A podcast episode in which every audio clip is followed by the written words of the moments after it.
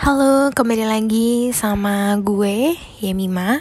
Hari ini podcastnya akan cukup singkat, membahas mengenai apakah mimpi atau seperti bisikan yang ada di dalam hati kita itu hanya suatu kebetulan atau sesuatu yang tidak ada makna pentingnya atau memang ada sesuatu yang penting yang ingin Tuhan taruh di dalam penglihatan kita dalam mimpi atau dari bisikan berupa suara hati. Nah, ini akan menjadi uh, satu pembahasan yang cukup singkat karena ini akan gue balikan lagi ke kalian.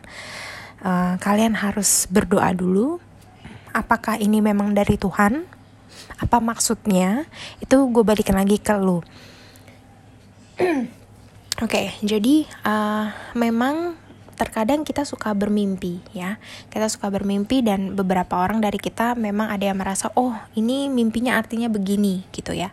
Ada orang yang berusaha mencari tahu oh ini mimpi ini cari di Google di internet oh ini artinya ini. Tapi menurut gue kalau itu memang dari Tuhan mimpinya pasti akan jelas. Ya mimpi akan jelas kemudian lo bisa bangun kemudian lo berdoa maksudnya Tuhan apa saya maunya seperti apa? Saya harus bagaimana? Gitu. Nah kalau bisikan kalau gue itu paling sering banget adalah mendengar bisikan ya. Bisikan itu dalam artian tidak uh, literally ada orang yang ngomong seperti uh, makhluk halus gitu yang ngomong di telinga no tapi itu dari suara hati.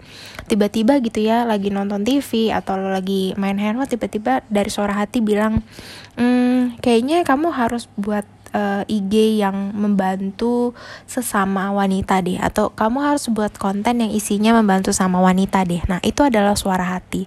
Jadi, kalau ada suara hati atau misalnya ada uh, pikiran seperti itu ya penglihatan itu mendingan dilakuin aja gitu guys. Jangan dilawan tapi kalian terima dan kalian uh, berdoa. Kalian pertanyakan lagi kepada Tuhan. Semoga bermanfaat buat kalian semua.